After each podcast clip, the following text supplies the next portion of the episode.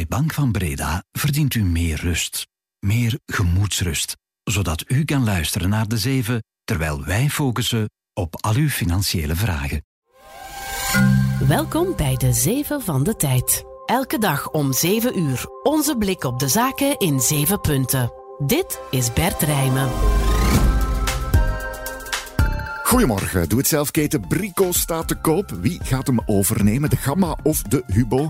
Hoe staat het intussen eigenlijk met de Europese economie? Niet zo goed, maar analisten geloven wel dat de bodem nu bereikt is. En de markt voor insectenproteïnes is booming. Volgens Rabobank zal die zowat 16 keer groter worden tegen het einde van het decennium. We praten met een insectenonderzoeker. Het is donderdag 25 januari. Welkom.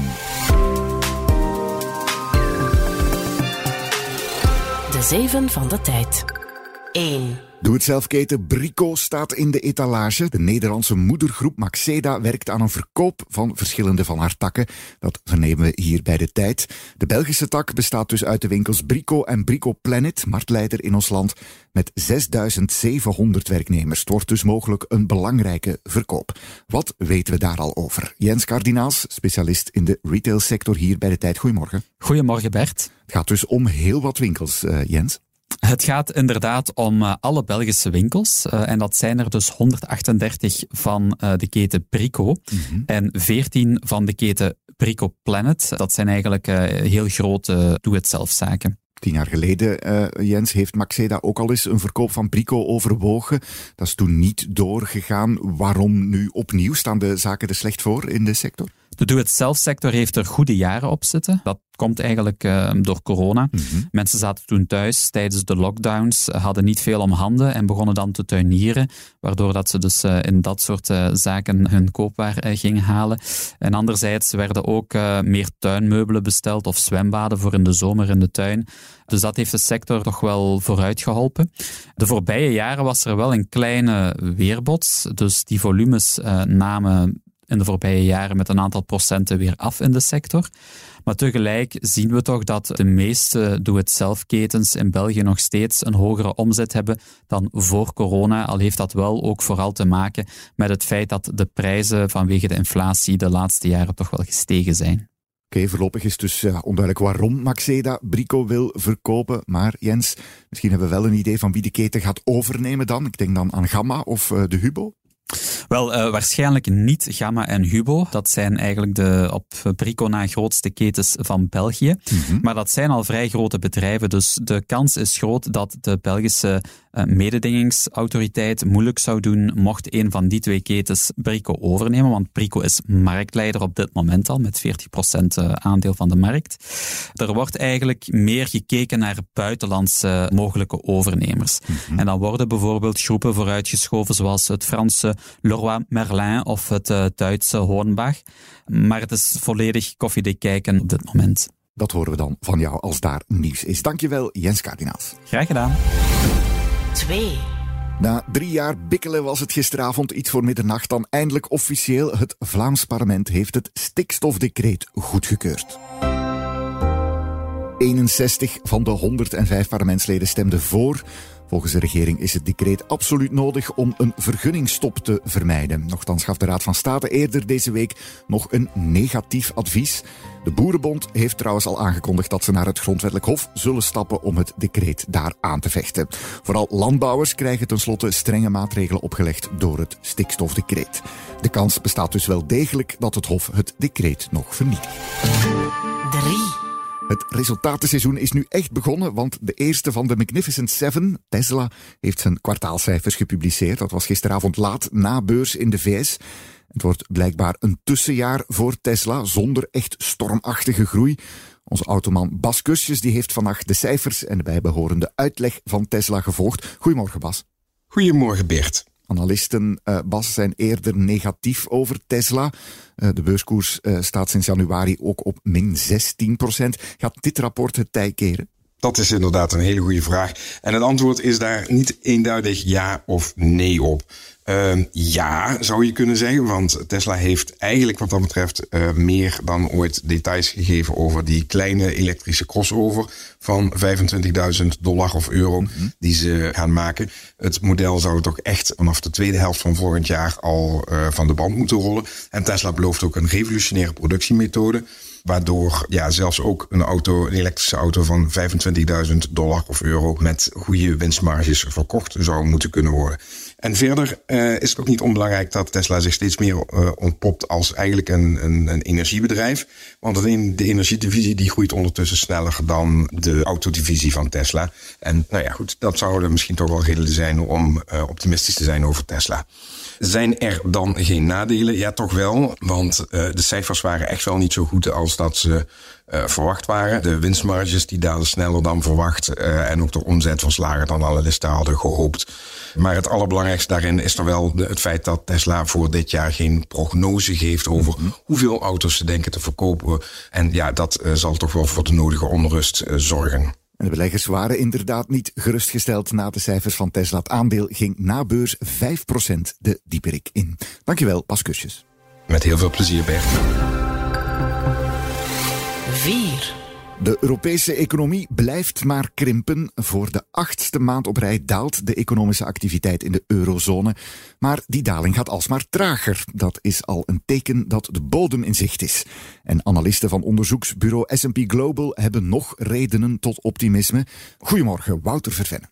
Goedemorgen. Marten, journalist hier bij de tijd. De krimp, Wouter, begint af te nemen. The only way is up, zeggen ze dan. Wat zegt S&P precies?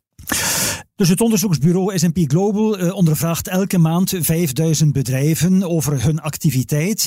En dus die indicator voor januari stijgt lichtjes naar 47,9 punten. Dat is het hoogste cijfer van de jongste zes maanden, dus dat is goed nieuws. Maar we zitten natuurlijk nog altijd onder de 50 punten. En 50 punten is eigenlijk de grens tussen groei en krimp. Dus de economische activiteit in de eurozone daalt nog altijd, maar de daling is minder groot dan de voorbije maanden. Oké, voorzichtig uh, goed nieuws kan je dan zeggen, Wouter. Maar goed, veel verschillende landen in de eurozone. Wat valt jou op? Wel, de twee grootste landen, Duitsland en Frankrijk, ja, die doen het wat minder goed. Daar is de economische conjunctuur eigenlijk in de maand januari ja, verder verslechterd. Mm -hmm. En dus daar daalt de economische activiteit meer dan in de rest van de eurozone. Detailinformatie over de andere landen is er niet, maar in de rest van de eurozone, dus buiten Duitsland en Frankrijk, voor het eerst in een aantal maanden zien we eigenlijk dat de economische activiteit stijgt. Wat betekent dat dan voor het beleid van de Europese Centrale Bank, Wouter? Want die nemen later vandaag een rentebeslissing. Hè? Ja, nu de Europese Centrale Bank kijkt natuurlijk vooral naar de inflatie en de inflatievooruitzichten. Uh, de inflatie is nog altijd hoger dan 2 procent. Mm -hmm. En ja, er zijn ook aanwijzingen dat, ja, dat de kosten in de dienstensector ja, dat die blijven stijgen en zelfs stijgen in een iets hoger tempo. Vandaar dat de Europese Centrale Bank nog voorzichtig is en het ja, nu nog veel te vroeg vindt uh, om de rente te verlagen. Dus we kunnen er zeker van uitgaan dat er vandaag geen renteverlaging volgt.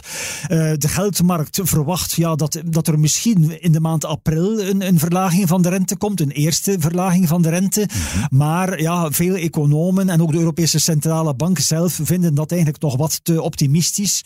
En uh, ja, de consensus is dat er wellicht een renteverlaging komt, ofwel in de maand juni, ofwel, laten we zeggen, juli. Ten laatste in de zomer dus die lang verwachte renteverlaging van de ECB. Dankjewel, Wouter Verven. Graag gedaan. Vijf. Waar kijken beleggers nog naar uit vandaag? Misschien wel de resultaten van het vierde kwartaal bij LVMH, de Franse giga-luxegroep. Die kunnen aantonen of het concern vooral echte rijken aanspreekt of eerder aspirational shoppers. Voorkennis. De voorbije weken regende het al resultaten uit de luxe sector van beide concurrenten van LVMH dus.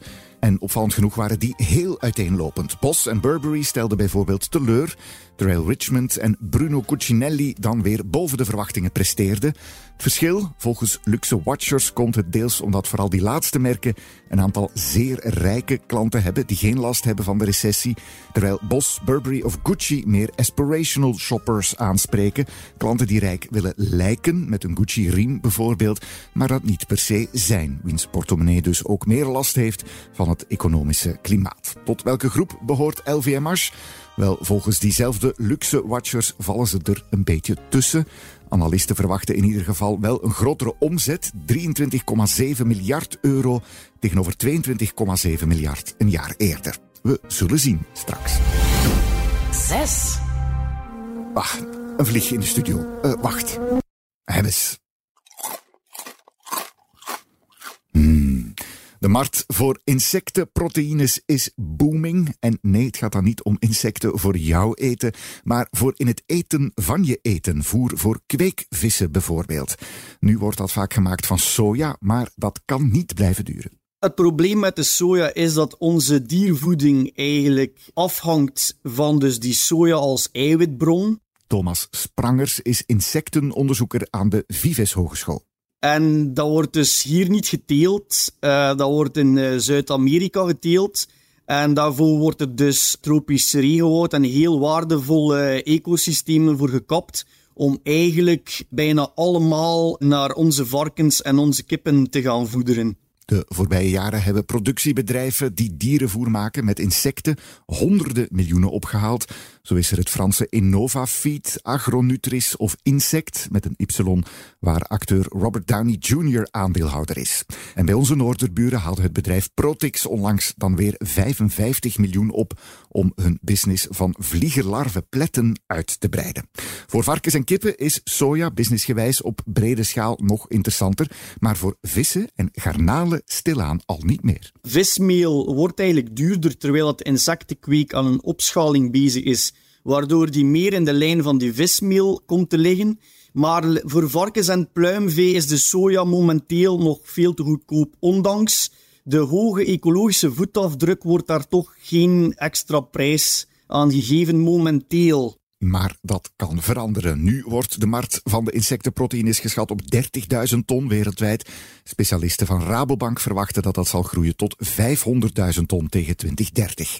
Al is het maar omdat insecten effectief voedzamer kunnen zijn voor de bewuste dieren, zegt Sprangers. Naast eiwitten zijn insecten ook een bron eigenlijk van waardevolle mineralen. Dus er zit ook ijzer in, uh, calcium en daarnaast ook uh, heel interessante vetzuren, waardoor dat ze eigenlijk een beetje de best of two worlds hebben. Dat zijn dus de dierlijke eiwitten van vlees en de plantaardige vetten, dus meer de oliën, de onverzadigde gezonde vetten. Bovendien bevatten insecten ook vezels, waardoor dat dus ook nog eens een extra gezondheidswaarde met zich kan meebrengen. 7.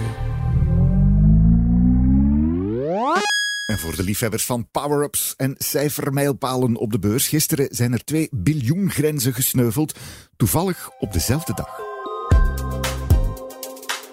Microsoft heeft als tweede bedrijf ooit na Apple de kaap van 3000 miljard dollar marktwaarde overschreden, oftewel 3 biljoen. En op dezelfde dag ging die andere techreus Meta over de grens van 1 biljoen. Al was dat iets minder speciaal, want dat hadden ze twee jaar geleden ook al eens gedaan. Vooral Microsoft ziet een enorme boost sinds oktober vorig jaar. Het heeft zich toen als koploper kunnen plaatsen in de AI-race, dankzij een belangrijke inkoop in marktpionier OpenAI van chatbot ChatGPT. Daarmee zit deze de 7 erop, maar wie nog niet is uitgeluisterd, kan ik de beursvailleurs of the record aanbevelen.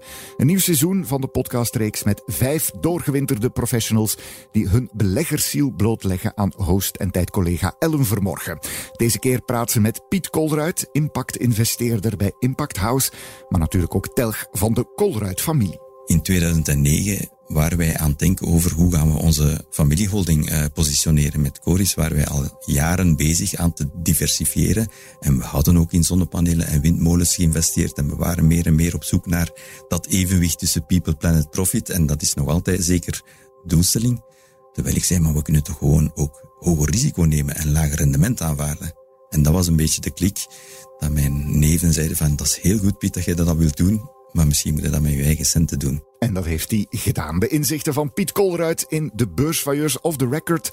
Let op, enkel te beluisteren via tijd.be of in de app. Voilà, helemaal klaar nu. Het is te zeggen, morgen is de zevenjarig. We worden dan twee en dan gaan we iets speciaals doen. Wat?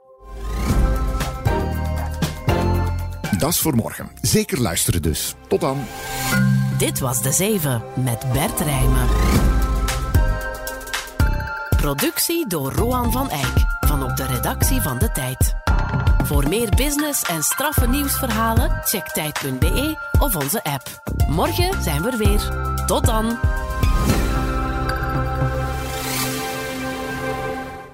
U verdient meer partners. U verdient meer zakenpartners. U verdient meer zakenpartners zoals Bank van Breda. Zodat u echt tijd kan maken voor uw levenspartner. Ook u verdient meer Bank van Breda. Professioneel en privé. Bank van Breda. Enkel voor ondernemers en vrije beroepen.